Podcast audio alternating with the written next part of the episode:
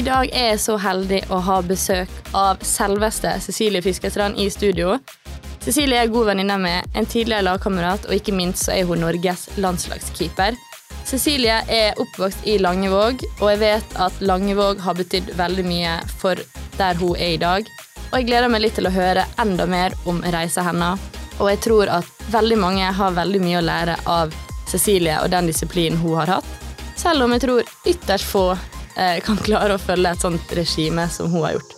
Jeg gleder meg veldig til å prate med Cecilie i dag, og jeg håper virkelig at dere får noe ut av den, og at dere syns det er like interessant som det jeg gjør. Hei, Cecilie. Hei, kjekt å være her. Så bra. Hvordan går det? Det går veldig bra. Jeg gleder meg veldig til det her. Jeg har hørt mange episoder og syns det er kjempekjekt, så veldig glad for å være her. Så bra. Jeg er veldig glad for at du er her òg. Ja.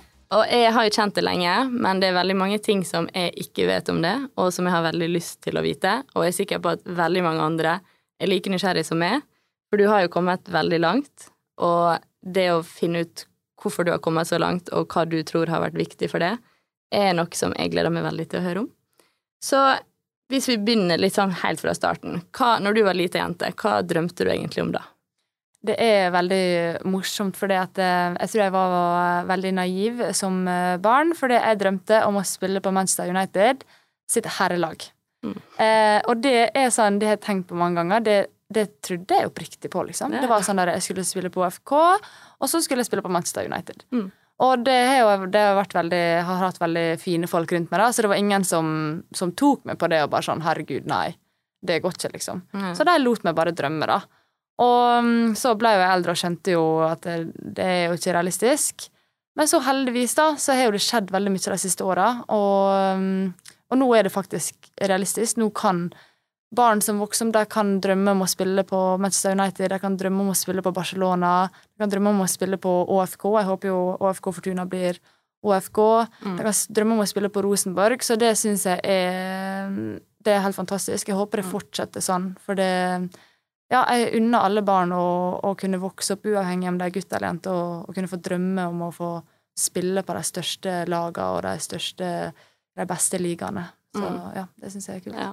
Jeg tror sånn, når jeg var liten også, så var jeg jo sånn Jeg trodde at jeg kunne spille på guttelagene, jeg. Altså, når vi var små, så var vi sånn Ja, vi skal spille. Jeg skulle spille på Arsenal, for det var mitt favorittlag. Og det er liksom Ja, nå Det at det går an i dag, det var sånn åh, Jeg fikk litt sånn frysninger når du sa det. Ja, Bare sånn tenk Ja. Det er helt fantastisk, og jeg, jeg kjenner det Jeg kjenner det sjøl, liksom jeg er så glad for at de barna som vokser opp nå, de kan faktisk drømme om det. For det jeg husker når jeg på en måte kom i den alderen der jeg faktisk forsto at det, det, går ikke an, mm. det syns jeg var så urettferdig. Jeg bare klarte ikke å forstå Jeg syns det var så urettferdig, for jeg trente jo og spilte med guttene, og så fikk de lov å drømme om det, og det fikk ikke jeg. For mm. det var ikke noe sånt for meg å drømme om. Og det, det syns jeg var Det var skikkelig vondt og urettferdig, og det er jeg så glad for at det, nå er det faktisk muligheter for det, og ligaene på damesida bare vokser og vokser. Så er det liksom nå Jeg tipper om et par år så, så Om man ikke kan drømme på lik linje med guttene, men i hvert fall mer og mer likt, da. Og mm. det, det må være utrolig motiverende. Eh, jeg syns det er motiverende sjøl, ja. så, så, det syns jeg er kjempebra. Mm. Helt enig.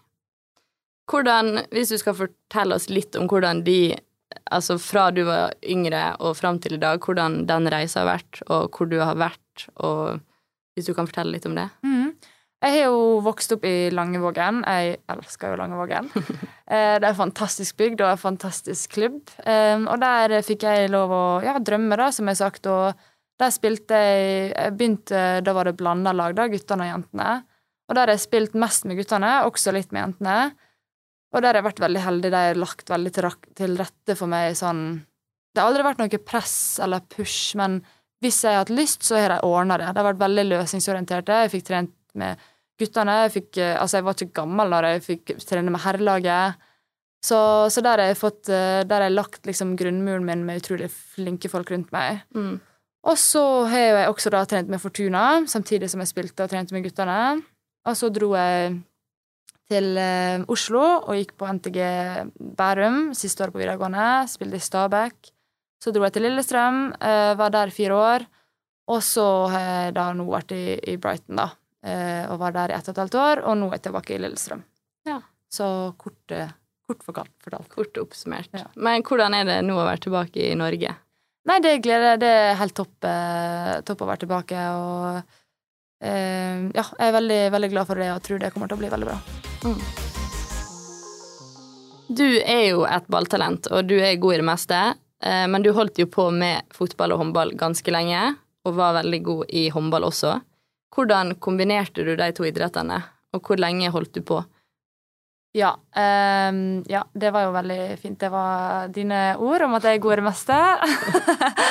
men, eh, men, eh, ja, jeg drev bare med fotball og håndball lenge, og det tror jeg ehm, Det har hatt mye å si for min, min utvikling, og egentlig den personen jeg er. Mye av min treningskultur og min på en måte disiplin kommer fra håndballen og fra det miljøet der.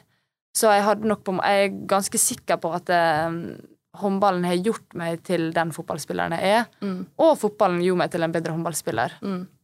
Men, um, men, det er litt sånn artig, for når jeg vokste opp, så var det håndballspiller jeg skulle bli. Okay. Når jeg var lita.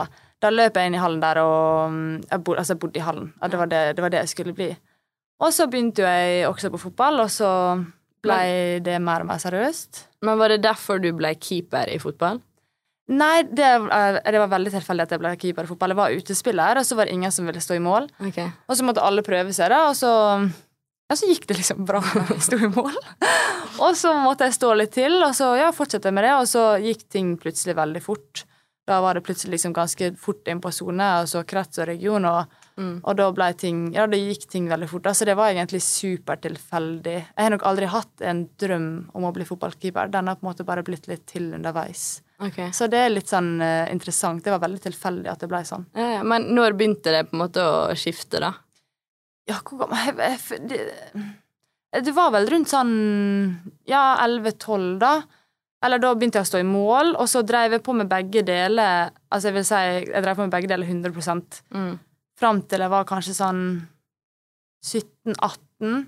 Mm. Og så når jeg var 18, da, så nesten 19, da flytta jeg, da. Og da var det sånn enten så flytta jeg nå for å spille håndball, eller så flytta jeg nå for å spille fotball. Mm. Og da flytta jeg for å spille fotball. Ja. Og da ble det da ble det fotball. Ok, ja. Altså, vi skal snakke litt mer om det her etterpå, men først vil jeg bare Altså, hvordan kombinerte du håndball og fotball? Som du sier, 100 det, Og det gjorde du. Altså, du var jo Ja, du trente jo hele tida. Men hvordan gikk Hvordan klarte du å kombinere? Det var jo mye trening. Jeg tror jeg er heldig, for jeg har en kropp som tåler ganske mye trening. Og så har jeg et hode som er, som er glad i det, og som har trua på det. Så jeg har trent eh, veldig mye. Eh, og kanskje litt tilfeldig at det har gått bra også. Og så har jeg vært heldig, da, for det, har hatt, eh, det er en fordel med å komme fra en liten plass. Det er sånn der, eh, Fotballtreneren min, læreren min og håndballtreneren min var kanskje samme person. Ja, ja. Så alle som på en måte var i Langvågen, på en måte visste eller ville hjelpe til, da. Mm. Eh, og så selvfølgelig så blir det konflikt underveis, eh, fordi du, man blir dratt i forskjellige retninger, og det følte jeg veldig på også, men, men, jeg var heldig som hadde på en måte noen sånne holdepunkter av mennesker da, som, som drog meg inn hvis noen prøvde å dra meg ut, da. Mm. Uh, men det er Det var helger der jeg liksom dro og spilte en håndballkamp, ble kjørt til en annen plass, spilte en fotballkamp, Dagen etterpå for og spilte en ny håndballkamp, ble kjørt rett til en annen plass, kom kanskje, rakk ikke oppvarme engang, bare rett inn på en ny fotballkamp. Så det var, det var mye. Jeg trente før skolen, jeg fikk trene i gymmen i stedet for å ha gym. Hvor rett fra ei trening kanskje hadde tre eller fire treninger på ettermiddagen. Håndball, fotball, håndball, fotball. Så det var Det var, det var et kjør, men var, jeg kunne ikke ha tenkt meg noe annet, liksom. Det var helt fantastisk. Altså, for jeg husker jo det her, og jeg på en måte, vi var jo ganske nær på den tida, og jeg tenkte jo Du var jo alltid litt sånn forbildet mitt når det kom til trening. Fordi jeg visste at du var superseriøs, og det var jeg òg, eller ja. Men å sammenligne meg med det, det var jo helt umulig. For jeg visste liksom hvor mye du trente, men det var liksom Det var målestokken min. Det var sånn Ok, Cecilie har vært og trent på morgenen, hun har trent håndball på kvelden. Så jeg var jo litt sånn, jeg prøvde jo å få det til, men der jeg var, så var det mye vanskeligere å klare å kombinere det, da. For da var det gjerne liksom ja, håndballtreninga krasja, så da fikk jeg ikke begge deler, og så var det fotballtrening der som jeg måtte prioritere, eller For meg så ble det vanskelig, da. Og selvfølgelig, det var jo umulig å gjøre like mye som du. Det var jo det. Men, eh, men ja, det skal du vite. Du ja, var... altså, det, her, det, her, det har ikke du fortalt meg Nei. før. Og vi har, vi har kjent hverandre en stund, og, men det setter jeg veldig pris på å høre, fordi jeg tror Jeg har aldri følt eh, Eller jeg går ikke rundt og føler på at eh, å, folk syns det jeg driver med, er kult, eller folk ser opp til meg. Mm. Så, så det, det setter jeg veldig pris på, da. Jo, vær så god. Ja. Nei, men for at jeg også spilte jo håndball lenge, men jeg var jo aldri like god som det. Så det har jo liksom Du På en måte, jo bedre man er, jo enklere blir det kanskje å, å få tilrettelagt etter behovene, på en måte, og hvordan Fordi de, håndballen ville gjerne ha det med, fordi Ja. så god var du. Jeg var jo litt mer sånn streber som liksom prøvde å komme opp, og da ble jo det naturlig å på en måte velge det jeg var best i. Ja. Men hvordan var det med det når du prioriterte dine treninger, da? Ja, nå vil jeg bare si til alle som på at Pernille var veldig god i håndball også. Bare sånn det er sagt. Og alt det her er hennes ord, men OK. Men ehm, ja, jeg var Altså, det er litt todelt. Eh, for det første så var jeg Jeg var heldig fordi at jeg hadde ikke så veldig egoistiske folk rundt meg. Så de ville veldig gjerne ha meg opp og fram, og ikke bare ha meg for seg sjøl og på mitt lag. Ehm, så det hjalp veldig. Tror, altså, det er derfor jeg elsker Langvågen og klubben, fordi de har tatt veldig vare på meg. Men selvfølgelig så krasja ting. Jeg var jo veldig glad i å trene, og jeg trente med alle mulige lag. Gutter, jenter, damer, herrer. Og da krasja ting. Uh, det er helt uunngåelig. Og det er liksom for en 14-åring så er det tøft, eh, fordi at det, det skjer daglig at ting krasjer, og man har lyst til å være med på alt, og det går ikke. Og det ble for slitsomt, Mm. for man kan ikke hver dag drive og diskutere hva skal man prioritere. Så da tok jeg og familien min da eh, ganske tidlig et valg som sikkert mange ser på som veldig egoistisk, men det kommer fra et veldig ydmykt sted, da. Men da tok vi et valg om at hver gang noe krasja, så prioriterte vi det høyeste nivået. Mm. Så uansett, det var helt uavhengig om det var fotball eller håndball eller kjønn eller hva, liksom. Hvis ting krasja, så, så var det det høyeste nivået som ble prioritert, fordi jeg alltid, og det gjør jeg fortsatt, jager veldig etter å bli god. Så det handler på en måte ikke om at jeg, jeg følte at å, jeg er så god, så jeg må være med de beste eller de eldste, Mm. eller hva. Men jeg har alltid vært sånn, jeg har lyst å bli den beste, og for at jeg skal kunne det, da må jeg trene med de som er bedre enn meg. Mm. Så da tok vi det valget ganske tidlig, eh, og det hjalp meg mye, da, fordi da slapp vi den daglige diskusjonen og den daglige Altså å drive og tenke med hjertet, for man vil jo være med de jentene man går i klasse med, og man vil være med på den kampen, man vil være med på den cupen, Mm. men det går ikke liksom alltid. Nei. Og da, da tok jeg det valget, og, og det holdt meg til, egentlig. Men skjedde det ikke at du hadde veldig lyst til å være med venninnene og spille den kampen, selv om det var det laveste nivået? Eller var du så Fordi det er jo det jeg føler, du var liksom så fokusert og allerede fra du var ung så disiplinert på at du skulle bli så god du kunne. Men var det aldri sånn at du følte bare sånn I dag vil jeg faktisk bare være med jentene og kose meg på hestecup, liksom? Jo, jeg tror nok at jeg ville det, men jeg tror folk som, som kjenner meg godt, de sier liksom Cecilie hun ble toppidrettsutøver når hun var tolv år. Mm. Jeg begynte, altså jeg la meg klokka ni, jeg spiste riktig. Jeg, jeg ble på en måte ganske voksen tidlig, da, for det var det her jeg ville. Ja, ja. Men, eh, men jo, selvfølgelig så, så ville jo jeg det, og jeg ville jo Man, jo, man vil jo ikke skuffe folk, da, men kanskje det er det som var det verste, at jeg følte at, at jeg skuffa laget mitt, for jeg kunne ikke være med, eller skuffa lagvenninnene mine eller lagkompisene mine. Mm. Um, og det var, det var tøft og, og trist, og man følte jo selvfølgelig at eh, nå ble jeg dratt i så mange retninger at dette går ikke. Men så var det veldig sånn kynisk på det valget, da. At det, det, er sånn, det er sånn jeg må gjøre, for hvis jeg skal tenke med hjertet hver gang, da blir jeg ødelagt. Mm. Og da hadde jeg heldigvis flinke folk rundt meg da, som hjalp meg med det, for det er ikke en 14-åring som Nei, sitter nei. og tenker det her alene. liksom. Nei. Ja, fordi du fortalte meg også at du har for eksempel aldri vært kaptein, da. Nei. på noen av lagene. Og det er jo sikkert fordi, som du sier, du har tatt kyniske valg og ikke tenkt med hjertet, og det blir jo upopulært fort. Ja, altså, ja, det er selvfølgelig, og spesielt i ungdomsåra, det er jo ja, det er jo lite som skal til for at det, for noen blir sint eller lei seg. Um, så nei, jeg var, var aldri kaptein på, på noen av lagene. Og det var mange som var sur og kanskje syntes jeg var egoistisk og høy på meg sjøl. Mm. Men det har jeg alltid på en måte bare akseptert at eh, de som ikke kjenner meg godt, og som ikke veit hvorfor jeg tar de valgene jeg gjør, de kan bare tro at jeg er en idiot, Mm. liksom. Men så lenge de rundt meg som kjenner meg godt, syns at jeg er en god person, så er det greit. Alle som kjenner det, vet jo at du er den mest ydmyke og nede på jorda-personen som fins. Ja, men det blir jo litt samme sånn som nå, da, når jeg kom tilbake eh, til Ålesund etter eh, England uh, og skulle forberede meg til en landslagssamling. Mm. Så gikk jeg til ÅFK-herrene først. Og da tipper jeg at mange som, som, ikke kjenner meg, tenker bare sånn Å, hvem tror hun at hun er? Hun mm. tror hun er så god, så hun må trene med herrene og ikke ÅFK Fortuna, liksom. Og det er på en måte det er ikke det som er saken i det hele tatt. Nei. For det er det jaget hele tida. Jeg har lyst til å bli så god, jeg har lyst til å bli så god.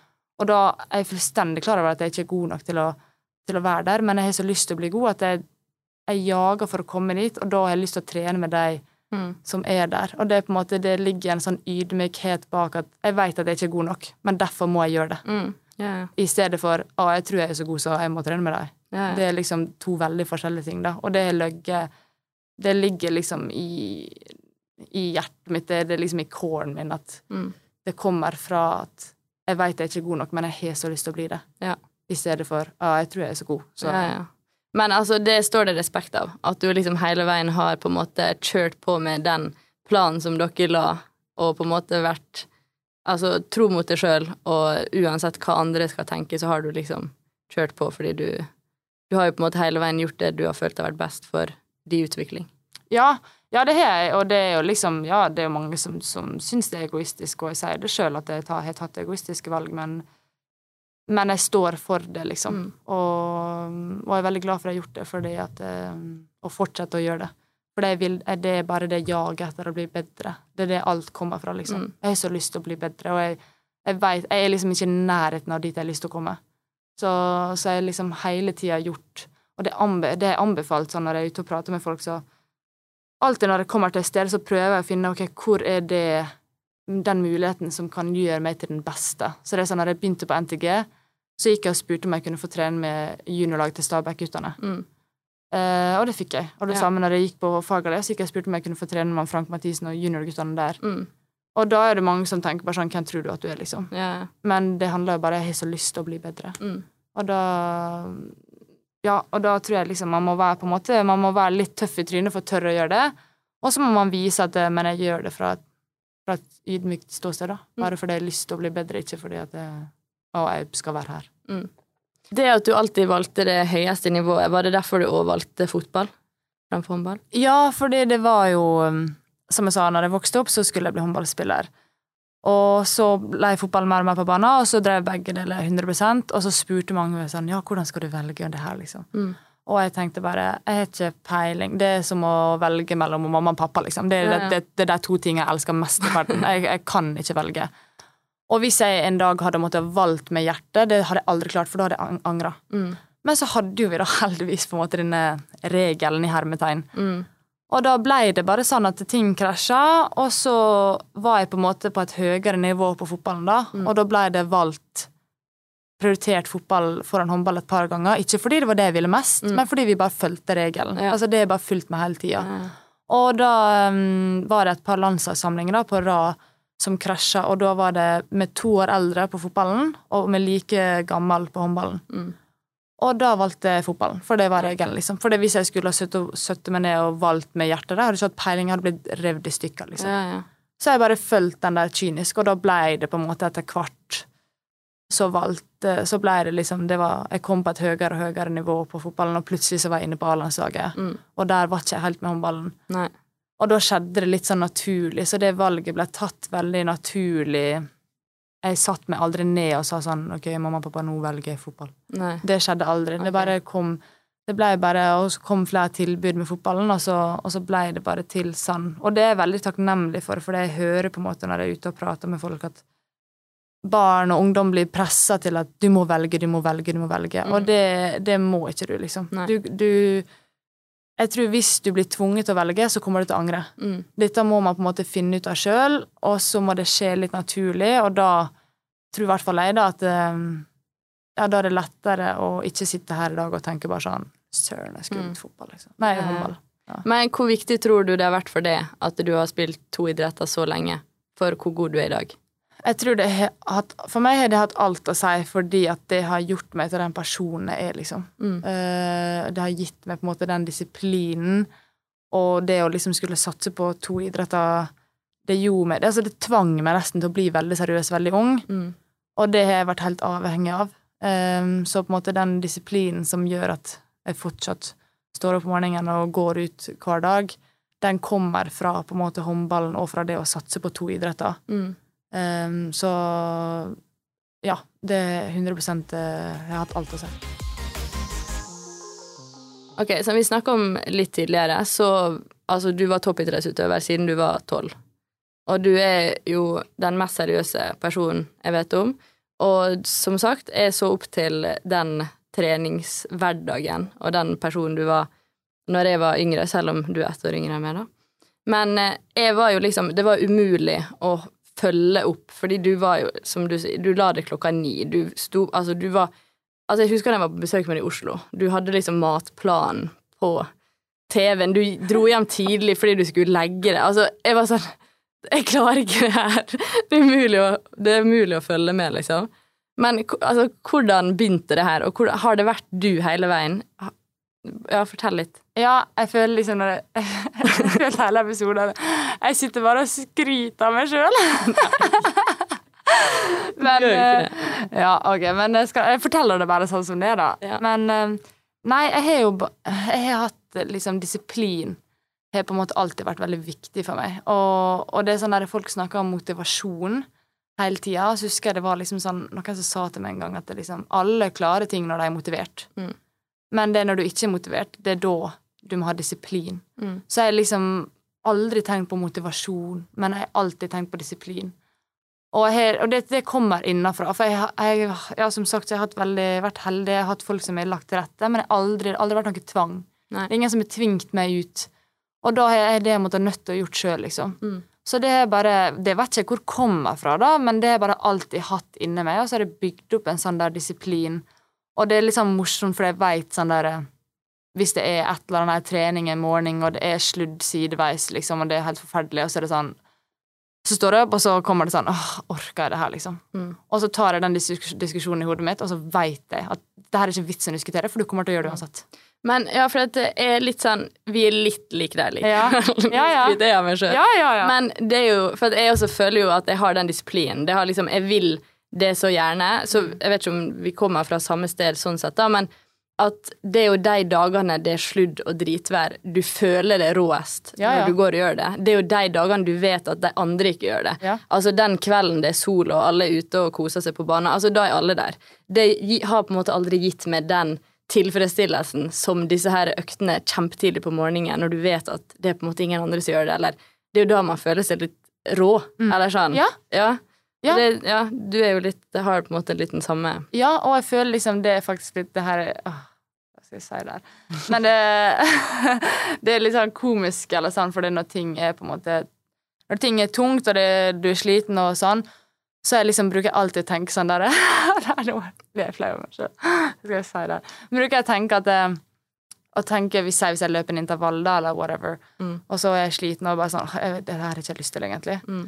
Så bruker jeg å tenke at jeg, jeg står i en situasjon der noen spør meg da, når jeg er ferdig med karrieren min, bare sånn Ja, gjorde du alt du kunne, liksom? Mm. Og for at jeg skal kunne svare ja på det der, da må jeg gjøre det. Ja, ja. Og det blir jeg så, liksom Da gjør jeg det. Ja. For det er liksom Det er det viktigste for meg, at folk skal kunne si at jeg er dårlig, og de skal kunne få si at jeg er en idiot, og hva som helst. Men ingen skal kunne være ærlig og si at jeg ikke gjorde alt jeg kunne Mm. for å bli god. Ja, ja.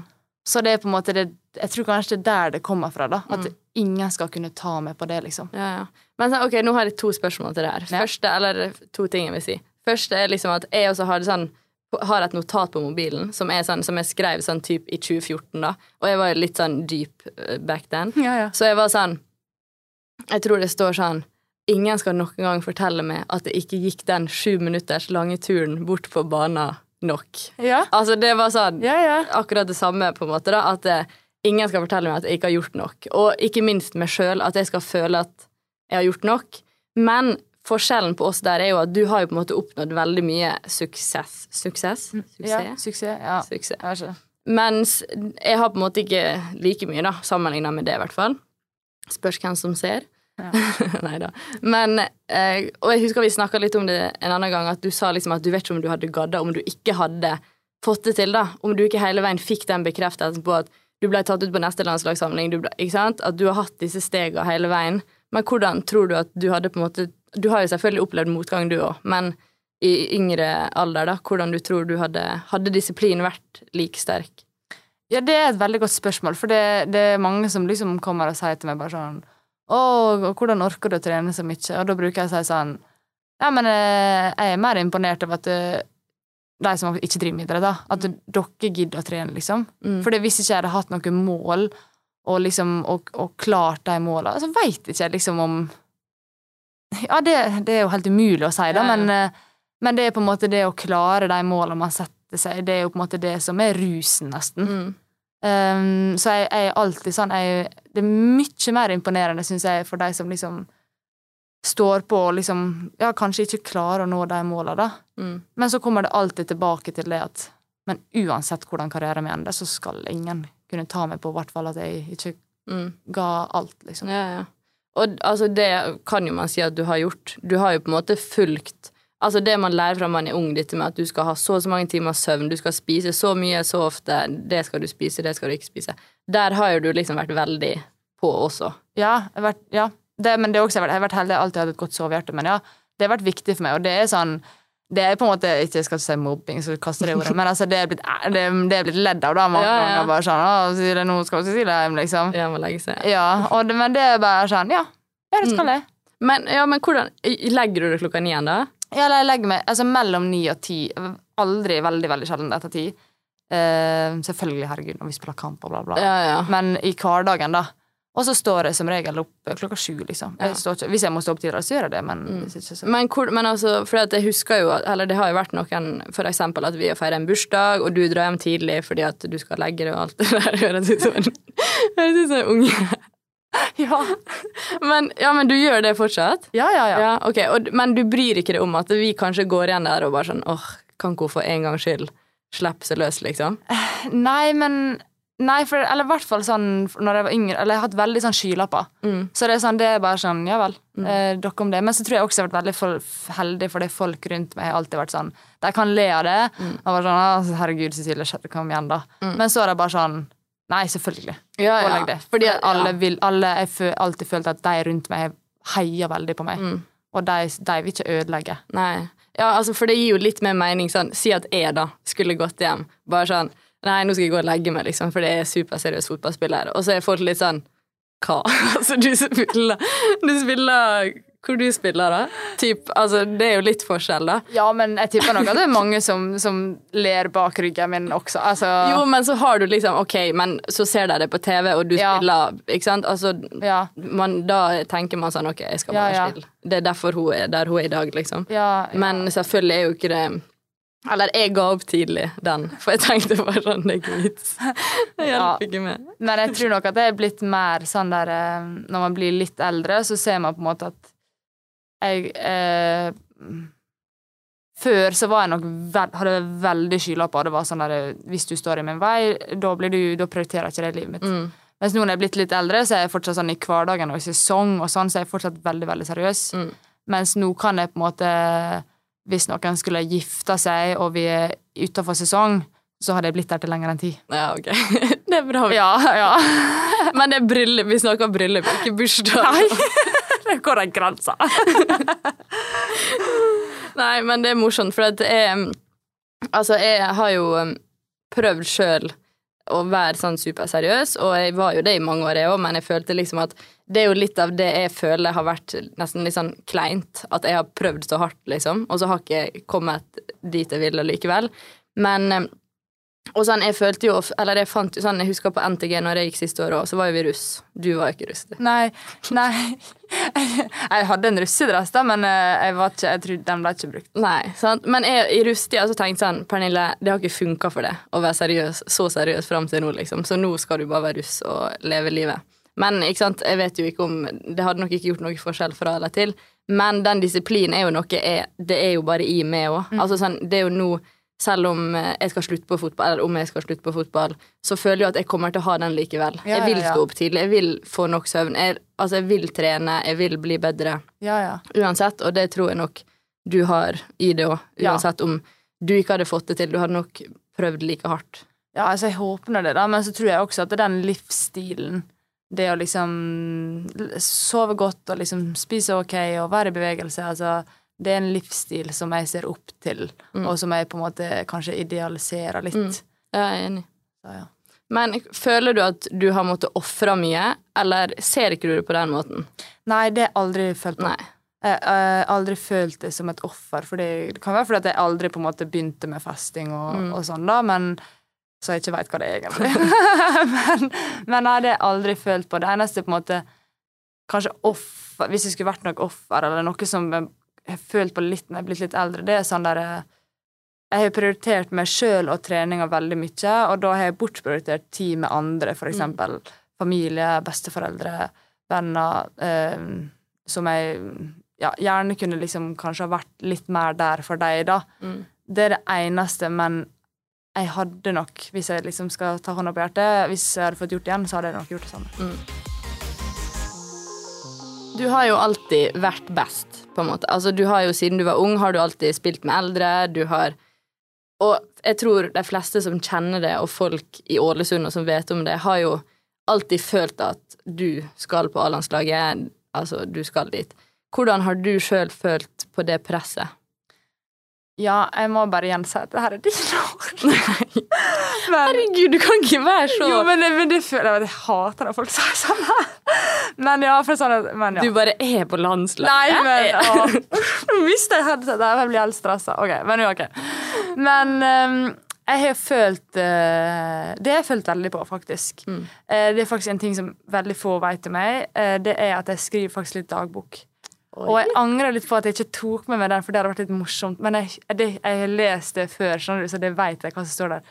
Og det husker jeg da jeg står der etter jeg kom hjem fra min første A-landslagssamling. Så står det sånn. ja, nå er jeg kommet hjem fra A-landslaget, og jeg føler på et sånt press. Jeg føler liksom at alle ser på meg fordi at, at nå må jeg være så god, liksom. Og, og, så, og så kommer jeg tilbake. Men drit i det, Cecilie. Du må bare jobbe hardt. Står det det? Ja, det står det!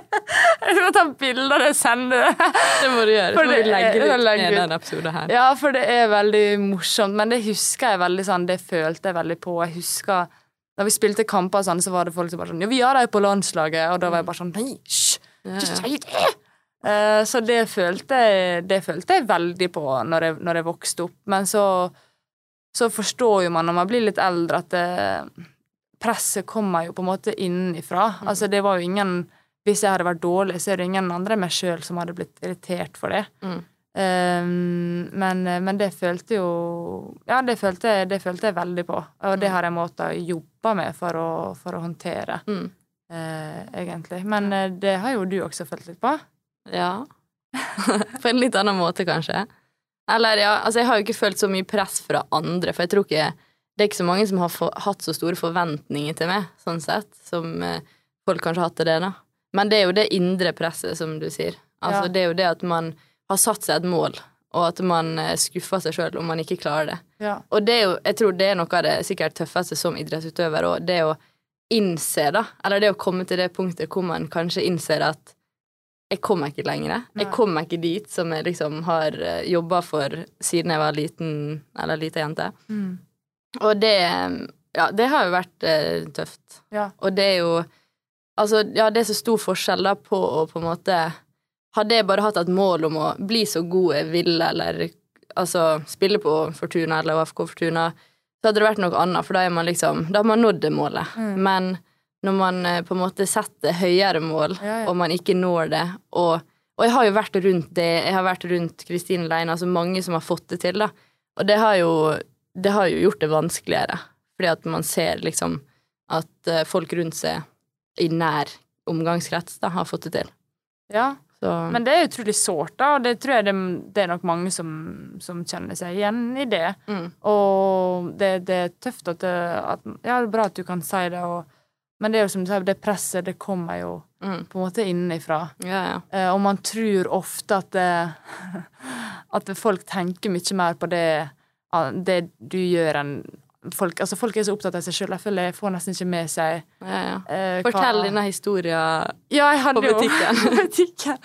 Uh, vi hadde spilt en, en treningskamp med landslaget på Spania. Jeg husker ikke vi spilte mot New Zealand eller Canada eller noe. Det var en kamp som ikke betydde så mye, da, hvis man kan si det. Um, og jeg spilte kjempedårlig. Jeg slapp inn et mål som er bare helt sånn krise, liksom. Og jeg kom hjem, dette var i november, og jeg kom hjem, og det var sånn derre jeg gikk på butikken, og jeg tok på meg hetta i Oslo, liksom, og jeg bare tenkte sånn Jeg følte at folk så meg bare sånn Der er hun keeperen sjukt dårlig. Og det er sånn Det er ingen som veit hvem jeg er, liksom. Det er ingen som har fått det med seg. Det er ingen som har peiling. Og der går jeg bare sånn med hetta på, bare sånn Å, herregud, kan noen komme og hente meg jeg er på butikken? Alt er dårlig. Og det er bare sånn Da må man bare skjønne at det, det er ingen som tenker på det. Men altså, For det er jo litt ironisk at du er sånn Når jeg sier sånn å, du er på landslaget, så er du bare sånn herregud, ikke, da er du ikke høy på deg sjøl i det hele tatt. Men når man på en måte gjør det dårlig, da plutselig føler du at alle vet hvem du er, og alle Absolutt alle har sett kampen deres mot New Zealand. Var det? Ja, altså det er helt komisk, men det, den perioden der var så komisk. Da måtte liksom folk si til meg bare sånn Cecilie, det er ingen som har fått det med seg. liksom. For jeg var bare sånn Herregud, så du, nå så han på meg, nå sa han at han er sånn, Herregud, der er hun dårlig, keeperen, liksom. Og jeg bare Så nå ler det morsomt, da, men altså Man tror på en måte at ja, når man gjør noe dårlig, så får det alle med seg. Ja, ja, og jeg tror det kan absolutt alle som driver med idrett, kjennes igjen i òg. Ja. At man, man bare tenker 'herregud, nå så alle den pasningen jeg gjorde', eller Men alle er så opptatt med seg sjøl. Altså, du har ikke peiling Hadde du ei dårlig, dårlig trening i dag? Husker Det la ikke jeg merke Nei, til. nei, nei. Altså, fordi man er så opptatt av seg sjøl. Men man blir så inni sitt eget hode Ja. at man eh, Det er helt uh, komisk, liksom. Nei, men eh, du, jeg tror eh, vi har eh, fått prata om veldig mye av det vi skulle. Mm. Jeg føler at jeg har blitt enda litt bedre kjent med det. Ja, altså, jeg sa jo det før vi kom at denne episoden kommer til å bli lang, for det når jeg først begynner å prate, da holder vi det gående. Da. Nei, men det er bra. Jeg har ikke prata så mye, så det, er sikkert, det syns sikkert folk er greit. det blir mer av framover. Nei da. Men eh, jeg har lyst til å avslutte. Denne gangen har jeg to spørsmål. Sist gang hadde jeg bare ett. Men eh, nå har jeg to. Ja. Greit. Um, hvem er den beste du har spilt med og mot? Uh, ja. Um, det er jo helt sykt vanskelig, for jeg har spilt med og mot så sykt mange gode spillere. Jeg, jeg har vært i England og spilt der er de beste spillerne Mm. i verden, på en måte, med Sam Kerr og Pernille Harder og Frank Kirby og herregud. Mm. Men um, en som jeg på en måte har spilt med og mot sånn mye på trening, og som jeg syns er veldig vanskelig En spiller som er vanskelig å stoppe og skulle skåre mål. Ja. Det er Caroline Graham Hansen. Ja. Hun er veldig uforutsigbar, veldig vanskelig mm. eh, å spille mot, og veldig deilig å spille med, for hun kan bare gjøre ting. Mm. Eh, ja, så Ja, eh, men det er utrolig mange, herregud. Og det er sånn Maren Mjelde, liksom kaptein, og en av mine Mm. favorittspillere i verden, men, men ja, hun er Ja. ja. Men det er morsomt at det er norske spillere Ja, Uttrekket. ja, men det er jo kanskje fordi jeg kjenner deg godt, men, men Ja, det er liksom sånn Nå har jeg aldri spilt mot Okaro sånn at jeg har vært på et annet lag enn hun da, Nei. men jeg kan se for meg at det da Ja, at da Mm. hadde jeg tenkt sånn OK, Mm. her må jeg konsentrere meg, liksom. Eh, hva råd ville du gitt tolv år gamle Cecilie? Ja, her er jeg på en måte to Ikke det at hun trengte så mange råd. to råd. Og det er litt sånn delt, for det ene rådet, det, det hadde jeg virkelig trengt sjøl. Mm. Og det andre rådet Eller det går litt sånn sammen, da. Mm. Og det er jo litt sånn som jeg snakka om hele episoden, at det, det er alltid råder folk til å gjøre. Det er liksom legg, Tør å legge alt i potten. Mm. Altså, ikke, ikke unngå å gjøre ting fordi du er redd for at det kommer til å se dumt ut hvis ikke du klarer målet ditt, eller bare tør å legge alt i potten, sånn at når karrieren din er over, så, så kan, kan du stå der og si 'Jeg vet hva, men jeg gjorde alt jeg kunne'. Mm. Og da spiller det ingen rolle om, om det endte i VM-gull eller ikke, liksom. Så bare tør liksom å, å gjøre den jobben hver eneste dag, og være liksom ja, trygg på at uh, jeg gjør det her for å bli så god som mulig. Mm. Men så kommer det rådet som jeg hadde gitt meg sjøl, da. Mm. Og det er å huske å nyte litt underveis. Ja. Fordi når man blir veldig Når man har så lyst til å bli god, så blir man veldig Man jager og jager og jager. Mm. Og da blir man bare opptatt av neste mål, neste mål, neste mål, og da glemmer man litt at det Ja, nå nådde jeg faktisk det målet jeg hadde satt. Og det kan være små ting, for eksempel hvis du er trent dritbra i uka. og da vil liksom første råd være sørg for at du trener bra den uka hver eneste dag, sånn at du kommer på søndag og spiller kamp, så er du godt forberedt. Mm. Men når du kommer dit og spiller kampen, så nyt det. Og hvis dere vinner, nyt den følelsen, liksom. Og samme hvis du tar et seriegull eller får spille den første landskamp, eller hva det er, så sørg for at når du kommer dit, så er du så godt forberedt at du kommer til å være god. Men nyt det når du er der, for det, det angrer jeg litt på at det har ikke Jeg har vært litt mer sånn OK, neste, neste, neste, neste. neste. Uh, men jeg har bare Det er blitt mye flinkere til nå, da. Det, nå nyter jeg ting Når jeg klarer ting, så nyter jeg det mye mer av den følelsen. Mm. Og så er det tilbake på jorda og gjør jobben igjen.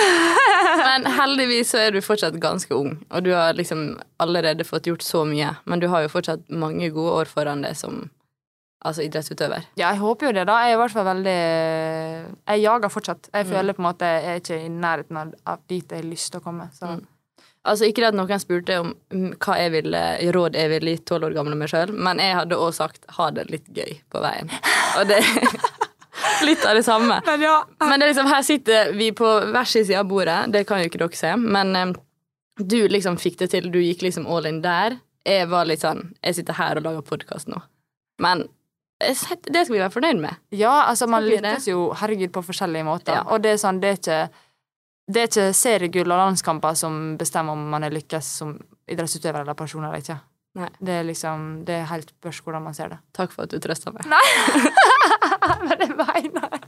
Ja da, det er bra. Nei, men du, eh, det her var veldig gøy. Jeg tror eh, det her var veldig mange gode råd og tips, og bare få folk å høre de historiene. Det tror jeg veldig mange kommer til å sette Ja, pris på. Det ble, litt, eh, det ble jo litt seriøst og litt uh, kynisk. Det er litt typisk. Men det er faktisk litt morsomt også. Altså, jeg lover bare sånn, Hvis dere blir kjent med, så er det Hun kan slå håret ut Ja. på bryllupsfest På- ja. hvis det er Inviter meg i bryllup, folkens. Da skal det bli Men skikkelig kun utenom sesong. Ja. Og hvis du inviterer i bursdag, ikke ha noe sånn etter klokka ti. Nei. Nei. Nei, men greit. Skal vi avslutte? Ja, det har vært eh, veldig kjekt. Håper det går an å folk gidder å høre på. Ja, det gjør det. Takk for praten. Takk for praten. Ha det.